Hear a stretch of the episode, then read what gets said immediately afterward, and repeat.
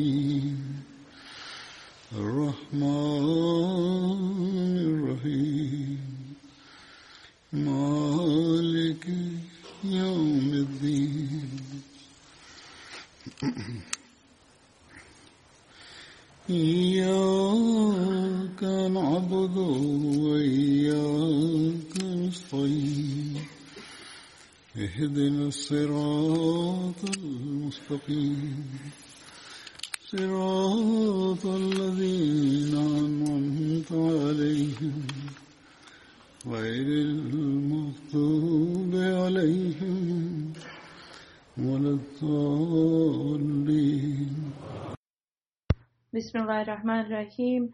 Među ashabima koji su učestvovali na Bedru spomenut ću prvog kojeg ću spomenuti je Hazreti Yazid bin Rubejš. On je bio iz Benu Aslam korejšijskog plemena. Oni su bili pod ugovorom sa plemenom Benu Abdul Shams.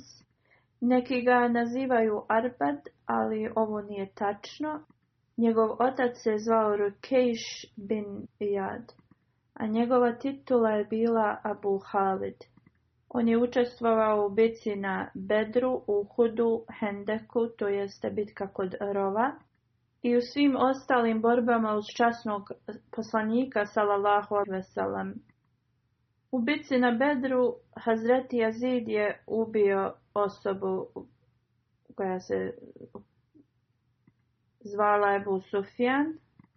Jedan od njegovih braće se zvao Hazreti Seid bin Rukejš, koji je sa njim zajedno sa svojom porodicom se preselio iz Meke u Medinu i on je ubrojan među prvima koji su se među prvim muhađirima koji su se preselili iz Meke u Medinu.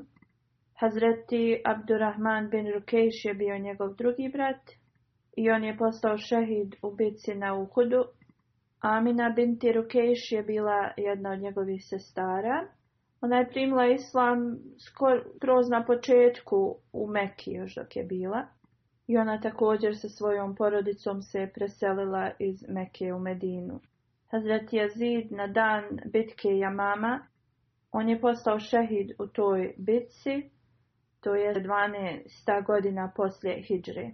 Ja sam spomenuo ove detalje u vezi ove bitke Jamama prije.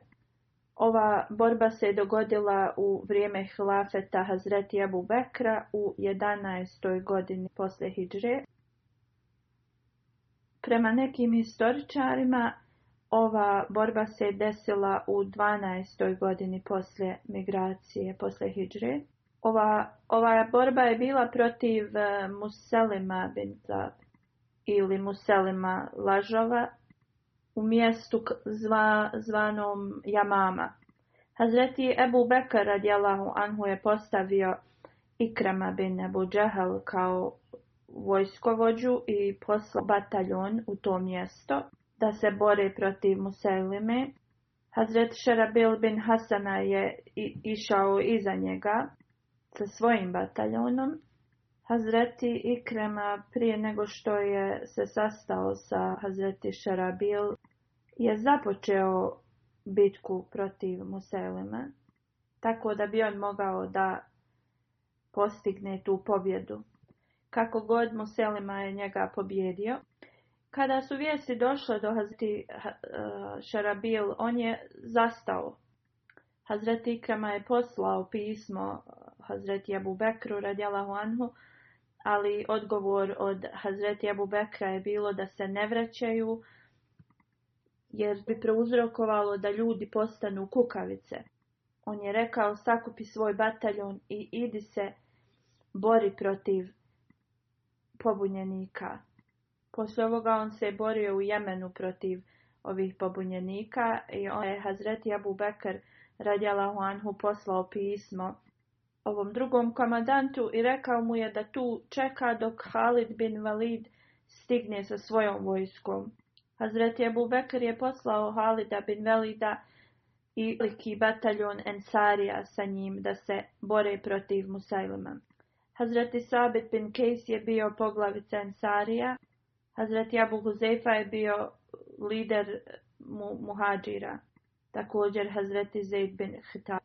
Hazreti Šarabil prije nego što je eh, Hazreti Halid bin Velid stigao tu, počeo je da se bori protiv Muselma i on je također bio pobjeđen. Hazreti Abu Bekr radijalahu anhu je poslao još jedan bataljon iza Hazreti Halida bin Velida. Hazreti Abu Bekr radijalahu anhu je govorio ja ne želim da koristim ashabe koji su učestvovali na bedru. Ja želim da oni sa svojim dobrim djelima dođu do svog gospodara. Da Allah im podari da, da praktično oni također pokažu svoj primjer. Kako god oni jesu učestvovali u, u, u nekim drugim e, borbama. Hazreti Omer Jelano Anhu je imao različito mišljenje o ovome. On bi koristio ashabe koji su se borili na bedru u svojim bataljonima. U svakom slučaju muslimanskih vojnika u ovim bataljonima je bilo ukupno 13.000, a Muselema Kazab je imao zapisano je 40.000 svojih vojnika. Nahalul Ridja bin Ufa je bio jedan od eh, pratioca Museleme on je dolazio kod časnog poslanika sallallahu alejhi i učio o Kur'anu i naređenjima i o vjeri. Časni poslanik sallallahu alejhi ve je poslao ovog čovjeka u mjesto je mama tom narodu da bude njihov e, učitelj. Tako da on može da dokaže da to što je što je govorio da je on poslanik, da je to neistina i laž ali ova osoba je postao nevjernik u, u, tom mjestu i on je svjedočio, naravno lažno, da je čuo časnog poslanika, lehi vasalam, kao da je poslanik Bože sačuvaj rekao da je mu Selima e, dio njegovog poslanstva i da, da je uključen sa njim u poslanstvo. U svakom slučaju osoba kad napusti vjeru, to je bilo i u prošlosti, a i sada, oni počnu da lažu i da izopačavaju i, i govore lažne, lažne riječi. Ovo je način kako se ponašaju ljudi koji ostave vjeru i te Boži put. U svakom slučaju Benu Hanifa koje je pleme od Moselema, ovo je uticalo njegove riječi i svjedočenje, tako da su oni naravno bili još više privezani uz Muselemu i povjerovali su mu. Ova osoba koju je časni poslanik poslao za moralni trening drugih ljudi, ali kada je on rekao nasuprotno i počeo da um, svjedoči da je Selima ispravan, je njegovo poslanstvo ispravno, ljudi nisu toliko vjerovali Selimi, koliko su kada je on ovo posvjedočio. I onda su počeli da budu poslušni Selime. Oni su mu rekli ti napiši pismo časnom poslaniku jer on ne prihvati, onda ćemo mi da tebi pomognemo protiv njega. I ovo je bio razlog e, tog rata. Kada je Musalima saznao da Halid bin Valid radijalahu anhu iz, dolazi blizu njega, Hazur kaže ovo su detalje iz tog rata i kako je Hazreti Abu Bekr poslao Halida bin Velida u tu borbu. Kada je Musalma saznao da Hazreti Halid bin Walid dolazi u mjestu Akraba, on je stavio kamp u to mjesto i pozvao je mnoge ljude koji su došli tu da ga podrže. Muđam bin Murara u to vrijeme sa svojom nekom grupom je krenuo prema muslimanima. Muslimani su ga zarobili i njegu grupu. Pa Halid je ubio njegove tu grupu ljudi s njim, ali je njega ostavio živog. Zato što u plemenu Benu Hanifa oni su poštovali ovoga poglavicu i zbog toga on je njega ostavio živog, nije ga ubio tad, ali naravno ovo je bio rat. Sin od Muselime, Šerabil, je rekao Benu Hanifi da je danas tom plemenu, da je danas dan kada oni trebaju da pokažu svoju hrabrost i on je nešto rekao kao oni će da otmu vaše žene, kao musliman će to da urade i, i kao zaštitite svoje žene. I tako, su, tako ih je motivisao da oni napadnu muslimane. Hazreti Huzefa je nosio zastavu, a prije toga je bio, nosio Abdullah bin Haus ali on bio ubijen i Sabit je nosio zastavu Enzarija. Ovo je bio vrlo, vrlo strašan i, i težak rat. Prije ovoga muslimani nisu nikada se morali boriti na ovakav grozan način sa puno, sa previše ratovanja. U ovom ratu mnogi muslimani su postali šehidi, a Benu Huneifa je ponovo oni su oteli, su oni su uzeli muđada natrag, pomogli smo da pobjegne muslimana. Onda su oni krenuli prema šatoru Hazreti Halida bin Velida u kojem se nalazila njegova supruga. Oni su željeli da je ubiju. Onda je Muđasir rekao ja joj dajem zaštitu i zaustavljam vas od, da je ubijete. On je rekao možete da se borite sa muškarcima i oni su tad i taj šator su rasjekli i, i bila je velika borba. Ljudi iz Benuhanfa su napadali svom silom, nekada muslimani su bili napredniji, nekada oni. Na taj dan Sabit, Hazreti Huzeifa i svi ovi Ashabi poznati su bili, e, postali su šehidi. Kada je Hrati Halid vidio stanje muslimana, e, naredio je da se sva plemena razdvoje, tako da može da zna odakle muslimani su najviše napadani. Onda je poredao i rekao je danas naše stanje vrlo sramno. Ovo nije bio najbolji dan za muslimane, a Muselima je i dalje stajao na svom mjestu. Zreti Halid je shvatio da dok Muselma ne bude ubijen, da se borba neće završiti. Onda je krenuo na njemu i dizao je jake slogane za, za rat. I onda bi govorio ja Muhammed. I ko bi god došao ispred njega bio bi pogubljen. Kada su to muslimani vidjeli, ohrabrili su se. Onda je on pozvao Muselimu, ali on se nije javljao.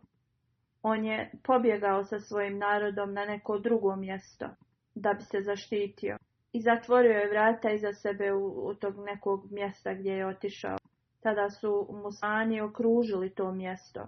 Hazreti Barabin Malik govori, on im je govorio muslimanima, o Musulmani dignite me na, na taj zid, ali oni su rekli ne. Ali Hazreti baran nije prihvatio ovo, on je nastavio da insistira. On je rekao, na bilo koji način samo me ubacite u tu kuću ili to mjesto gdje se je krio on. Muslimani su ga prebacili preko tog zida i onda je on utrčao tamo i otvorio im vrata iznutra. Muslimani su onda ušli zato što je on otvorio im vrata i borba se opet započela. Vlaši je ubio Musailimu to je vaši ona isti, ista osoba koja je ubila Hazreti Hamzu radi Allahom. U drugom hadisu se govori da je bio vaši još jedan ensarija i da su ga oni zajedno ubili. Vaši je bacio nešto prema Muselimi, a da je ensarija ga sa svojim mačem napao. Oba dvojica su napali u isto vrijeme i zato je vaši poslije govorio da Allah najbolje zna čije oružje ga prvo ubilo ili od njih dvojice. Azreti Abdullah bin Umar prenosi da je neka osoba glas rekla Musailima je ubijen i zato zbog toga se govori da je, da je najvjerovatnije vaši ga ubio. Azreti Halidi preko tog muđa je pokušao da nađe um, muzelemu njegovo mrtvo tijelo. On kaže, ljudi koji se borili protiv muslimana, oni su bili vrlo iskusni ratnici, ali i muslimani su bili vrlo iskusni u svojim bataljonima. I su odlučili, ako se budu borili još, bit će još više mrtvi i složili su se da se dogovore. Dogovor je bio da više neće niko nikoga ubijati i da ih neće zarobljavati. Muđa je odvorio koji je bio veliki mudrac. Rekao je ja ću da odem i da razgovaram sa svojim ljudima i poslije toga ću se vratiti i dati ti odgovor. Musalma je već bio ubijen i nisu imali veliku snagu. Kako god ovaj čovjek je bio veliki izlikovac. Došao je svom narodu i vidio je da su samo žene i, i vrlo slab, ostatak je sve ostalo najslabija vojska. On je stavio nakit na, na njihove žene. On je maskirao taj narod i rekao kao idite i kao da, da oni govore da se bune protiv tog dogovora. I onda je došao kod Zreti Halida radjala Anhu i rekao moji ljudi ne prihvataju tvoj ugovor, to jeste ugovor da on njih ostavi žive, ali da će im pokupiti svo imovinu njihovu. On kaže, rekao je, ja ne mogu ništa uraditi zato što oni ne prihvataju tvoj, tvoj prijedlog. A Zveti Halid je pogledao taj njegov narod i vidio je da su to sve bile žene koje su bile maskirane. Zveti Halid je htio da se vrati natrag kao pobjednik i on je onda rekao u redu uzet ćemo pola od toga. Prema nekim pre, hadisima se prenosi i da je rekao jednu četvrtinu te imovine da će da uzmu. On je želio ovaj rad da se okonča, da se vrati. Tada je e, tri stotine muhađira i ensarija u tom ratu poginulo. U tom mjestu Akraba iz Benu Hanifa e, nevjernika je poginulo oko hiljada. Kada se ova vojska vratila u Medinu, Hazreti Omer radijalahu anhu je rekao svome sinu Abdullahu, zašto ti nisi postao šehid? Zejd je postao šehid. Zašto si došao ispred mene? Navo je Hazreti Abdullah odgovorio. Hazreti Zejd je tražio od Allaha da postane šehid i Allah mu je uslušao njegovu dovu. Ja sam želio da i ja postanem šehid, ali nisam. Te godine Hazreti Ebu Bekr radijalahu anhu posle toliko gubitka muslimana je naredio da se časni Kur'an sakupi tako da, da se ne bi e, neki dijelovi izgubili od njega. Ovo su bili dalji od bitke Jemama. Hazreti Abdullah bin Makrama je sljedeći ashab kojeg ću da spomenem. Abdullah bin Mahrama je bilo njegovo ime, a titula Muhammed. Bio je iz Benu Amir bin Rui plemena. Abdullah bin Akbar je također bilo poznato njegovo ime i on je bio među prvim muslimanima. Mahrama bin Abdul Uzama je bio njegov otac. Imao je kćerku sa Zeyneb bin Tisraka. On je bio među prvim muslimanima. Hazreti Abdullah bin Mahrama je učestvovao u dvije migracije, jedna u Abesiniju, a druga u Medinu. Ibn Isak prenosi u vezi Abdullaha bin Mahrama da je on bio ashab koji je sa Hazreti Džaferom otišao u Abesiniju i drugi su također posvjedočili ovu njegovu migraciju u Abesiniju. Kada je došao u Medinu, boravio je u kući od Hazreti Kulsuna. Časni poslanik salallahu alaihi ve je uspostavio bratstvo između njega i Farva Ensarija. On je učestvovao u bitci na Bedru i svim ostalim bitkama poslije. U toku bitke na Bedru imao je 30 godina. On je postao šehid u toku bitke Jemama u 41. godini. Hazreti Abdullah bin Mahrama imao ogromnu želju da bude šehid na Allahovom putu. Često bi dovio Allahu i rekao ne dozvoli mi da umrem dok na svakom, svakom dijelu mog tijela ne bude rana ili ožiljak od, od borbe na Allahov putu. I tako na dan eh, bitke je mama on je imao toliko rana na svom tijelu od kojih je poslije i podlegao. On je bio vrlo blagoslovljena i hrabra osoba i čak i kao mlada, mlad, dok je bio mlad on je puno obožavao i klanjao je. U hadisu se spominje da je e, otišao sa Hazreti Abdullahom bi Mahrama i oslobođenim robom od jednog ashaba koji se zvao Hazret Salem i oni su muz, muzli koze i on kaže na taj dan bio je moj red da, da pomud koze tako da vojnici imaju mlijeko. On kaže tada sam vidio u, u borbi da je Hazreti ugledao ovoga shaba kojeg spominjemo da je bio puno ranjen, a ovo prenosi Abdullah bin Umar. I on mu je rekao, o Abdullah bin Umar, pitao je da li oni koji poste, da li su prekinuli svoj post, zato što je bila već noć. On kaže, ja sam odgovorio da jesam. On je rekao, stavi malo vode u moj štit, ja trebam da otvorim, ja trebam da također da se omrsim. On je tada postio. Hazreti Abdullah bin Umar govori, ja sam otišao da donesem te i dok sam se ja vratio, on je već bio preminuo. Hazreti Amar bin Mabit je sljedeći ashab kojeg ću da spomenem. Njegovo ime je također poznato kao Umir bin Mabit na nekim mjestima. Njegov otac se je zvao Mabit bin Azar. On je pripadao ensarinskom plemenu Aus, koji su ogranak od Benu Zubeja. On je učestvovao u bici na Bedru, Uhudu, Hendeku i svim ostalim bitkama uz časnog poslanika sallallahu alaihi veselem. On u toku bitke Hunain, on je bio međutim stotinu ashaba za koji je rečeno da je uzvišeni Allah bio njihova zaštita. On je stajao uz časnog poslanika sallallahu alaihi veselem kao štit. Spomenuto je u jednom hadisu da je Hazreti Abdullah bin Umar rekao, na dan bitke na Huneinu naše stanje je bilo tako da dvije muslimanske zajednice su bile tu i nije bilo možda stotinu muslimana koji su ostali uz časnog poslanika sallallahu alihi veselam.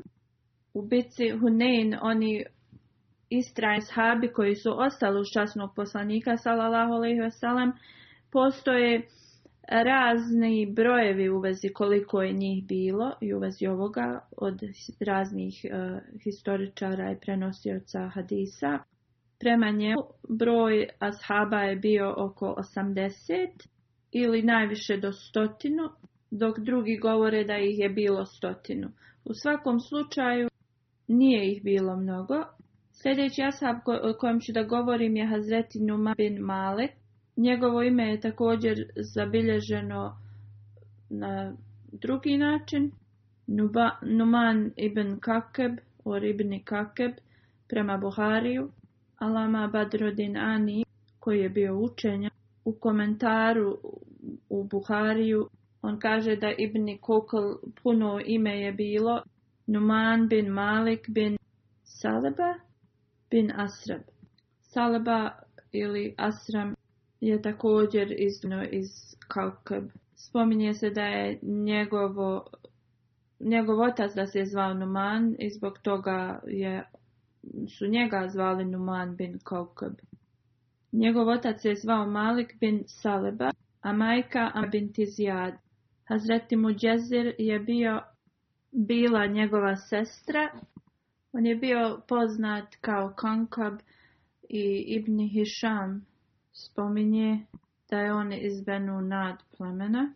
U to vrijeme ljudi koji su bili poznati kao kavakila, to su bili poglavice koje su, ako bi neko tražio od njih zaštitu, oni bi im dali zaštitu i rekli slobodno se krećite, nikom ne, ne smije ništa u tom smislu i njima bi E, bila data od tih poglavica strijela koja je značila da su oni pod zaštitom.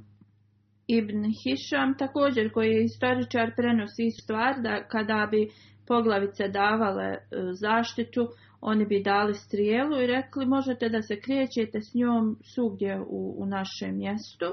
Salima Bildat je bio njegov djed koji je također bio kvakel je bio jedan od onih koji je davao zaštitu drugima. Ganaf bin Auf koji je poglavica Hazrađ plemena i on je bio kovakel, davao je zaštitu. I Hazreti Sad bin Ubada je također bio zvat kavakel. Plemena Ganam benu Auf eh, to su bila plemena koja su također zva, bila poznata kao plemena kovakel, plemena koja daju zaštitu. Hazreti Numan bin Malik je učestvovao u bici na Bedru i Uhudu. On je postao šehid u bici na Uhudu. Safvan bin Umeja ga je ubio, a prema drugom hadisu e, prenosi se da ga je ubio Aban bin Sejd.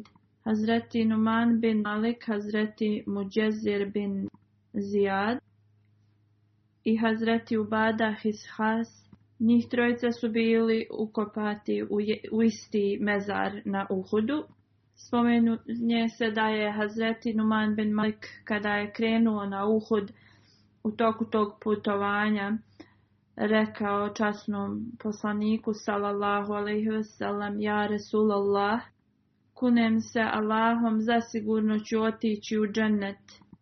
Časni poslanik sallallahu alaihi sellem ga je upitao kako to znaš? On je rekao, radi toga što se ja kunem Allahom, da nema niko vrijedni da se obožava osim njega i kunem se njim da si ti Boži poslanik. I od toga što ja nikada neću da napustim borbu.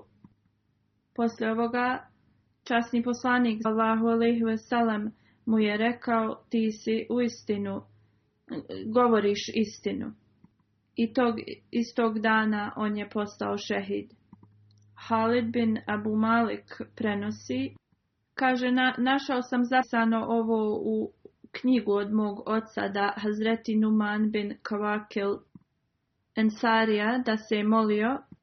On je rekao, o moj gospodaru, ja se kunem da ni sunce neće zaći, a ja ću kao bogalj da budem u džanetu. On je bio, bio je sakat i tog istog dana on je postao šehid.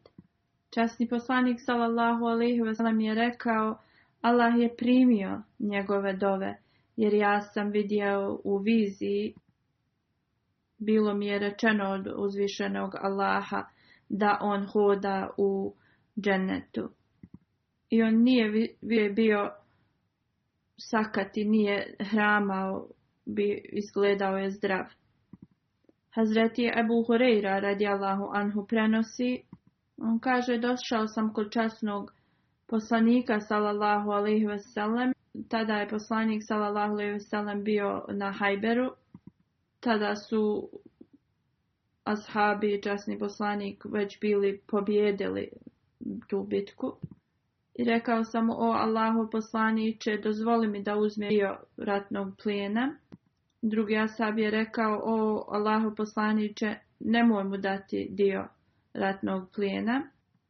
Prijevod malo nije jasan, ali mislim da je rekao e, da mu ne daj zbog toga što je on pripadao plemenu koje je ubilo Hazreti Numana Ovaj prenosec također govori, on ne zna da li je poslanik i Salam tad dao im udio tog ratnog plijena. Hazreti Džaber prenosi da je Hazret Man bin Koakil došao jednom kod časnog poslanika sallallahu i rekao: O Allaho poslanice, ako ja budem klanjao obavezne namaze i budem postio mjesec Ramazan, iako kažem da one stvari koje su zabranjene, da su zabranjene, a stvari koje su dozvoljene, kažem da su dozvoljene i ne budem prelazio ove granice, da li ću ja otići u džennet?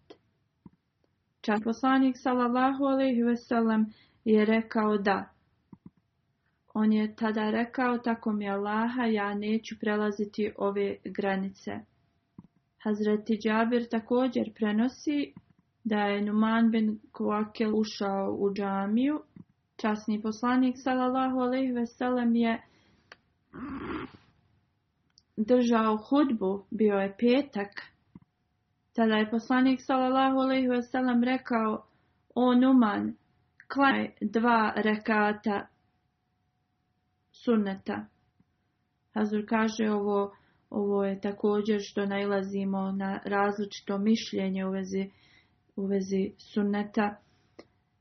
A tada je poslanik s.a.v. njemu rekao: "Klanjaj dva rekata suneta i klanjaj ih brže tako da ne propusti džumu." Onda je on rekao: "Ako iko od vas dođe, a imam je već počeo da govori hudbu, trebate da klanjate dva rekata sunneta, ali nemoj da ih da budu dugi. Znači dva rekata mora se klanjati ako je hudba već početa.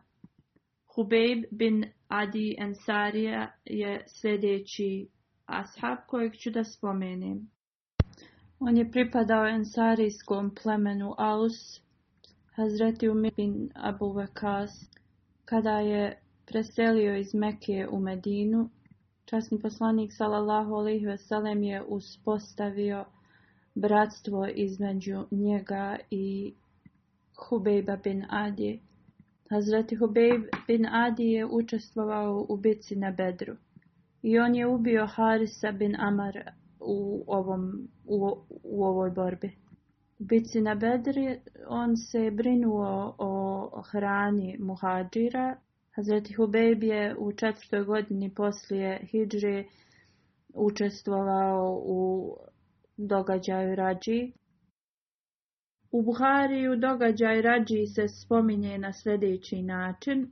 Hazreti Uhureyra radijalahu anhu prenosi da je časni poslanik sallallahu alaihi veselem napravio grupu od e, deset ashaba. Asim bin Sabit Ansarija, e, on je postavio, poslanik je sallallahu alejhi postavio njega za vođu ove grupe. Ova grupa je otišla i stigli su na mjesto Bada. To mjesto je između Usfan i Mekke. Neko je javio plemenu Benulahjan. Oni su bili dio nekog plemena kad su oni čuli da, da su ti muslimani u toj blizini, ljudi iz Benu oko 200 njih e, koji su bili vrlo naoružani, došli su kod ovih muslimana. Oni su pratili njihova stopala e, kud su muslimani ti prošli, dok su konačno ugledali to mjesto gdje su oni se zaustavili.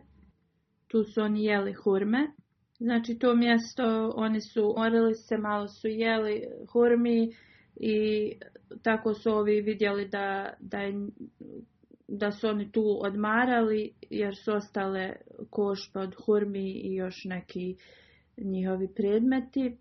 Kada su ovo vidjeli ovi nevjernici, oni su rekli ovo su hurme iz Jastreba, to jeste Medine i znali su da je to ta grupa muslimana i tako nastavili su da prate njihova, njihov trag, tragove koji stali u pjesku.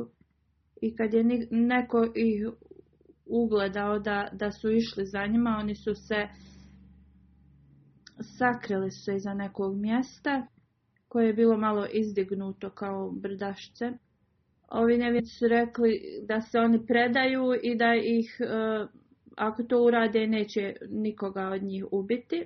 Asim bin Sabit koji je bio vođa ove delegacije je rekao on je rekao ja da vam se predam to značilo da sa ovog brda siđem kao nevjernik, a to se nikada neće desiti. Onda se zamolio i rekao o Allahu javi poslaniku u vezi ovog našeg događaja. Tada su nevjernici počeli da bacaju strijele na njih i uz Asima još sedmorica ashaba su bili ubijeni. Trojica njih koji su ostali vjerujući da nevjernici govore istinu, sišli su s brda kod njih. Kada su sišli s tog brda, nevjernici su i uhapsili. Oni su odvezali svoje lukove i svezali tim, tim, to, i ova jedna osoba od trojice, on je rekao, to je sve što ćete dobiti, ja ne idem sa vama.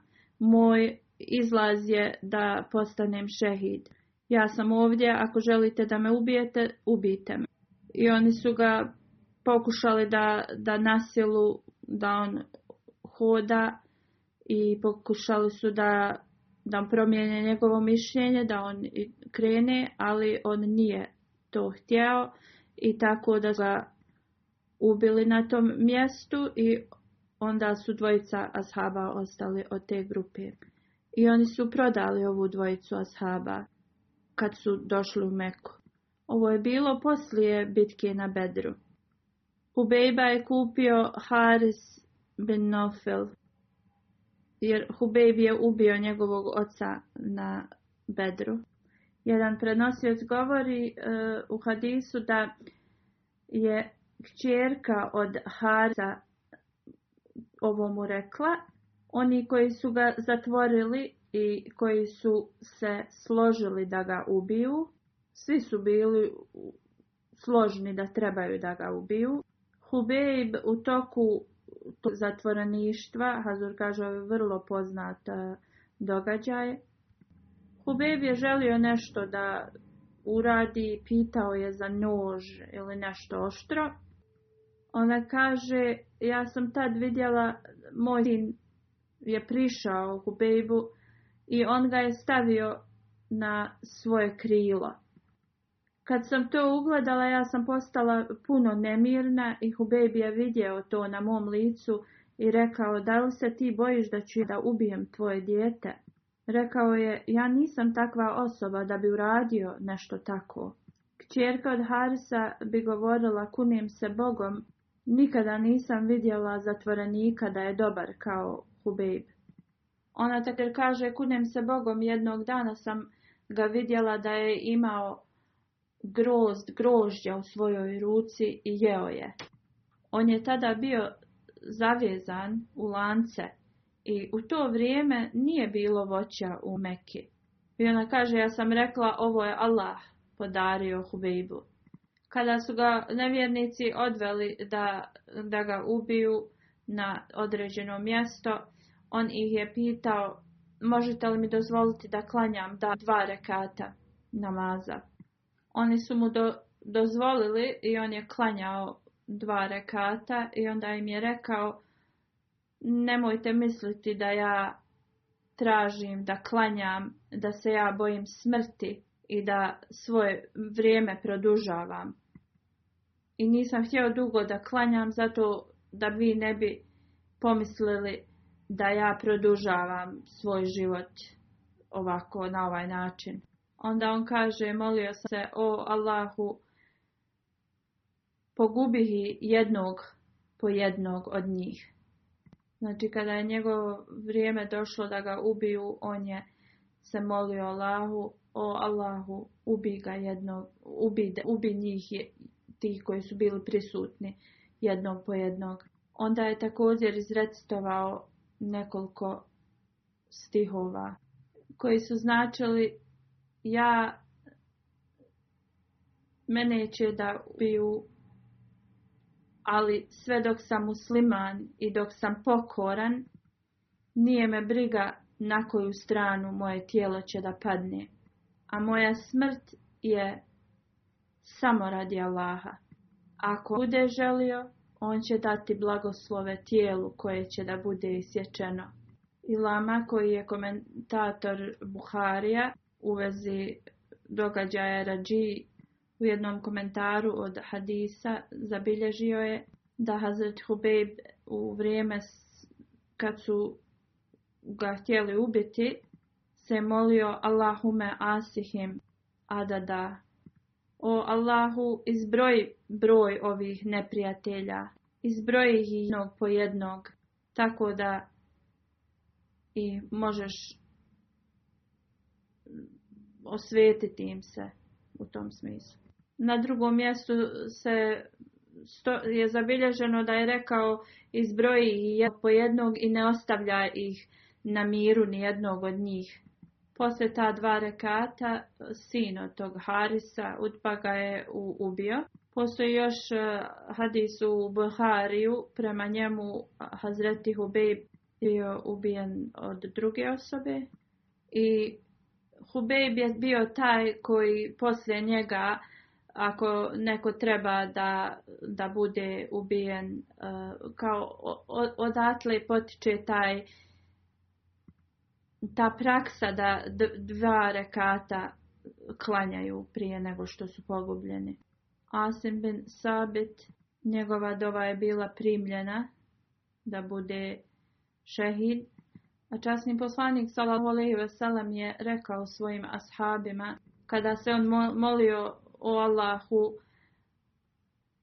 informiši časnog poslanika o na, našem događaju i našem stanju kada se ovaj vođa ove delegacije od muslimana Asim, e, molio Allahu, ova njegova molitva je bila primljena od Allaha, jer je časni poslanik sallallahu alejhi ve sellem rekao svojim ashabima šta se desilo na, najdan. dan i koje su bolove i, i poteškoće njegovi ashabi kroz što su prošli. Kada su neki ljudi rekli nevjernicima da je Asim ubijen, oni su poslali neke ljude da donesu neki dio njegovog tijela, tako radi te osvete i mržnje prema njemu, jer na dan Bedra Asim je ubio neke velike velikane iz Meke ali uzvišen je Allah nije dozvolio, pčele su prekrile njegovo cijelo tijelo i oni nisu mogli prići njemu i neprijatelji nisu mogli da, da njegovo tijelo iskomadaju. Kada je Hazreti Hubej bio ubijen ili kad je trebao da bude ubijen, u to vrijeme on je rekao sljedeće, o Allahu, ja ne mogu, nemam načina, da pošaljem selam poslaniku salalahu alaihi veselam. Onda molim te pošalji moj selam i moj, moj pozdrav časnom poslaniku salallahu alaihi veselam. Kada je Hazreti Hubejb izašao na, na tu mjesto uzbrdicu gdje će da ga ubiju, kada su nevjernici čuli njegovu dovu Allahu, koju je rekao, o Allahu, prebroj ih sviju i jednog po jednog ih dokrajči. Neki od njih su tako postali prestrašeni da su pali na zemlju. Ni godina dana nije prošla od Hazreti Hubejbove smrti, osim te osobe koja je pala kada je čuo te riječi. Svi ostali su bili pogubljeni i mrtvi. Hazreti Mojabin Abu Sufjan prenosi kaže da je bio prisutan na taj dan sa svojim ocem. Kada je moj otac čuo ovu molitvu Hazreti Hubejba, mi smo pali na zemlju od straha. U ovom drugom hadisu stoji da je bilo više ljudi koji su pali na zemlju, dok u prvom kaže osoba, jedna osoba. Abu Jahja bin Shireid, koji je bio prisutan, Ubejda bin Hakim i Umeja bin Utma oni su bili prisutni tu. Također se prenosi da je Melek Džibril došao časnom poslaniku sallallahu alejhi u to vrijeme i informisao ga je u vezi ovog događaja što je poslije poslanik sallallahu alejhi ve rekao svojim ashabima. Ashabi kažu tog dana časni poslanik sallallahu alejhi ve je sjeo i rekao: "Ve selam salam ja hubib. To jeste o Hubeib, neka je Boži mir i blagoslov na tebe. I onda je rekao da su Gorejšije ubili. Tako da je uzvišeni Allah uslišao njegovu molitvu da prenese selam časnom poslaniku sallallahu ve veselam. Ovo se nalazi u komentaru sahi Buhari. Kada je Hazreti Hubejb bio ubijen, nevjernici su, ovi mnogobošci, su okretali njegovu glavu od kible na drugu stranu kako god, kad bi se vraćali, on bi bio okrenut prema kibli. Oni bi opet okretali njegovo lice na drugoj strani, ali bi se vraćalo na istu prema kibli i poslije su ga ostavili. U drugom hadisu se prenosi da su ga objesili na neku granu i da su ga boli sve dok nije preminuo. Jedan od tih osoba koji se nalazio tad na to, u tom događaju prešao je na islam, postao je musliman i u toku hilafeta Hazreti Omera radi Allahu Anhu. Kad bi god neko smenuo događaj Hazreti Hubejba i kakvu okrutno su uradili prema njemu, taj čovjek koji je sada bio musliman, on bi se počeo tresti. Hazur kaže, postoje još spomenut komentara u vezi ovoga ashaba koje ću ja da spomenem poslije. Sada želim da spomenem da ured za historija medijata, oni su e, otvorili novu web stranicu koja je na urdu jeziku i na engleskom jeziku. Tu su zabilježena, tu je zabilježena, možete čitati o historijah medijata, o mnogim događajima u toku vremena Ahmedijata, u vezi života obećanog Mesija salam, njegovih halifa, njegovih ashaba, šehida iz Ahmedija zajednice, u vezi Derviša iz Kadijana, u vezi misionara i mnogih drugih zanimljivih novosti u vezi historije Ahmedijata. Također imaju slike iz historije, sve knjige u vezi Tahrik i Ahmedijat, historija Ahmedijata tu možete naći. Mnoge različite informacije, članci e, i slike mogu da se nađu. Vrlo važni sastanci e, zajednice, institucije za edukaciju, bolnice i mnogi možete o svemu tome da čitate na tom web, sajtu. Također tu e, YouTube e, kanal je povezan s, s tom web strancom. Razni dokumentarci, filmovi, dokumentarni filmovi su na tu. Znači od početka zajednice pa sve do sada svi razni i važni događaj su zabilježeni i možete čitati o njima na ovoj web stranici.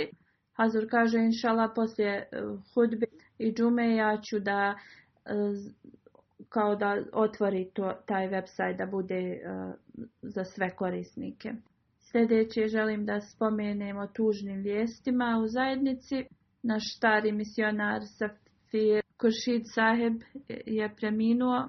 On je bio misionar u Africi i raznim drugim mjestima. On je također bio menadžer za štampu. Preminuo je 16. septembra u 75. godini ima je udar. Sigurno smo Allahovi, njemu se svi vraćamo. Ja ću da klanjam njegovu dženazu u odsustvu. On je bio unuk od e, ashaba, obećanog Mesija Salama. On je dao svoj život za službu džemata. Također njegov otac je bio vakfe zindagi, neko ko je cijeli život radio za džemat. drugi halifa mu je dao e, dao mu je da se brine u eri Sint u vezi posjeda i farmi džematskih, onda je njegova majka sanjala i 1961. godine on je započeo Džanja Ahmedija u Rabvi. 1970. je dobio e, diplomu za džamiju Imao je dvije žene, od prve je imao, s prvom je imao kćerku, s drugom nije imao djece. Njegova kćerka je supruga od Džemila Ahmed Sahiba i ona živi ovdje. Kada je diplomirao džamiju, neko vrijeme je ostao, boravio je u Rabbi. poslije je toga otišao u Čakval, tu je služio kao misionar. S njim je Hazreti Hakim Abdul Sahib također služio, koji je bio ashab obećanog Mesija Islama. 1972. godine premješten je u Sira On kaže savjet koji mu je treći halifa dao jeste da voli ljude iz Afrike i da im pokazuje veliku ljubav prema njima. On kaže ja sam uvijek se držao ovog savjeta on govori o jednom događaju u kojemu je Allah pomogao. E, jednom je putovao dugo vrijeme sa jednim starim Ahmedi muslimanom koji je iz Afrike i išli su do jednog sela i put je bio dugi i, i nije bio siguran put. On kaže kad smo stigli tu, poglavica toga sela nije bio prisutan i mi smo otišli kod glavnog imama u tom selu koji je odbio da nas primi i poslao nas natrag. On kaže, bila je noć, nimali nigdje da, da se zaustavimo i krenuli smo nazad kući. On kaže, ovo je bila kao džungla mjesto i navečer bi isto valovi nadošli vode. On kaže, mi smo bili vrlo zabrinuti vraćati se po, noći u ovom mjestu, ali odjedan smo čuli da nas neko zove. Ta osoba je bila na jednoj uzbrdici, stojao je. Ona nam je ugostio nas je u neku svoju malu tu kućicu, onda smo mi čuli drugi glas koji nas je zvao, neki ljudi su nas zvali. Oni su došli i rekli da glavni imam nas zove natrag. Kada je vratio, on je počeo da ima ogromnu, jaku glavobolju i onda je naredio svom narodu tu da idu za njima. Rekao je možda zbog toga što sam ja vratio onu, njih dvojicu e, da, da imam glavobolju. On kaže mi smo se vratili, on je skupio ljude iz sela i kaže tu noć smo mi govorili njima o medijatu. On kaže 10 do 12 ljudi te iste noći je primilo Ahmedijat. On kaže, a za glavobolju tog imama mi smo proučili suru Al-Fatihu. I uz Allahovu poći njegova glavobolja je prestala. I ovako je uzvišeni Allah njima pružio njegovu pomoć da prenoć je tu, a ne samo to, također u istu veče su ljudi pri, primili e, Ahmedijat. U, u on je radio kao glavni za štampu. On je započeo tu štampu tu. Treći halifa je poslao i naredio kako to da se uradi. Prva štampa nije bila uspješna, ali poslije drugi put kada je pokušao bilo je vrlo uspješna.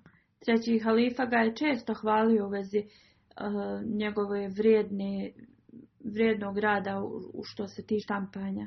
Onda poslije je bio poslat u Nigeriju i tu je također uspostavio štampu za Ahmedija muslimansku zajednicu koja je bila vrlo uspješna.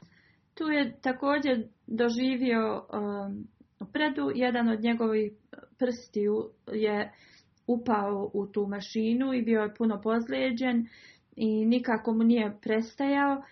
Tako kad je treći halifa bio u Europi, on je poslao poruku da on treba da dođe na liječenje. On je došao u London i uz Allahov pomoć e, njegova ruka je ozdravila.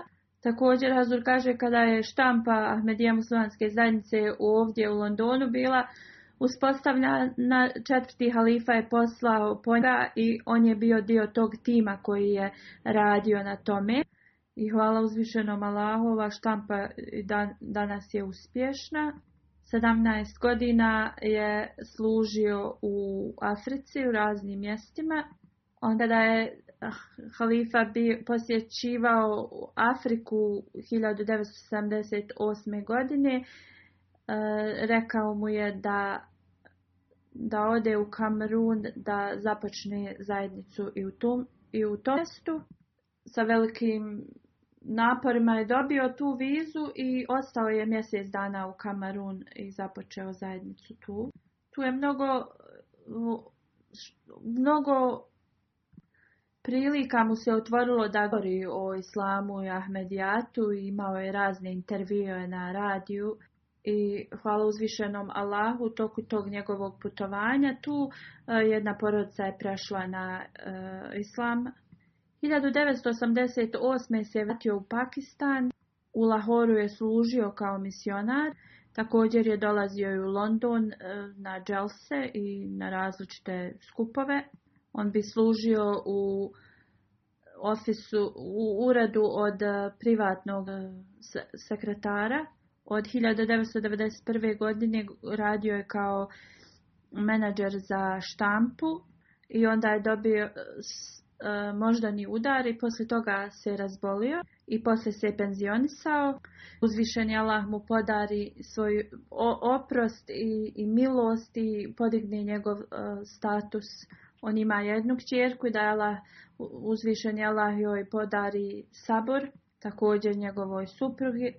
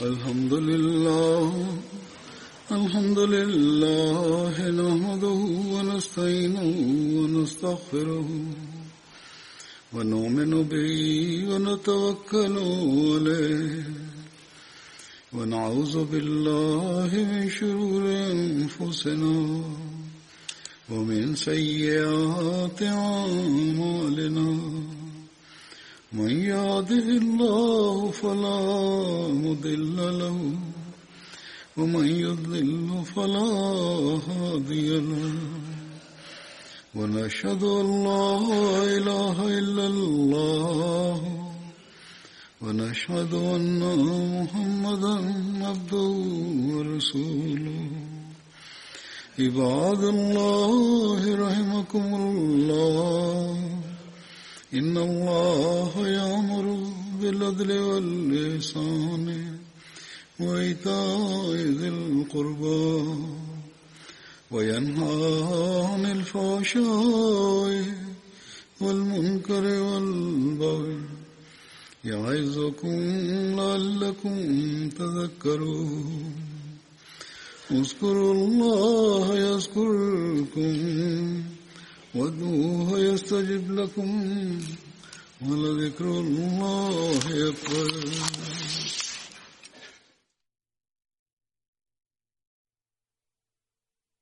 اللهم صل على محمد وعلى آل محمد كما صليت على إبراهيم وعلى آل إبراهيم إنك حميد مجيد اللهم بارك على محمد وعلى آل محمد كما باركت على إبراهيم وعلى آل إبراهيم إنك حميد مجيد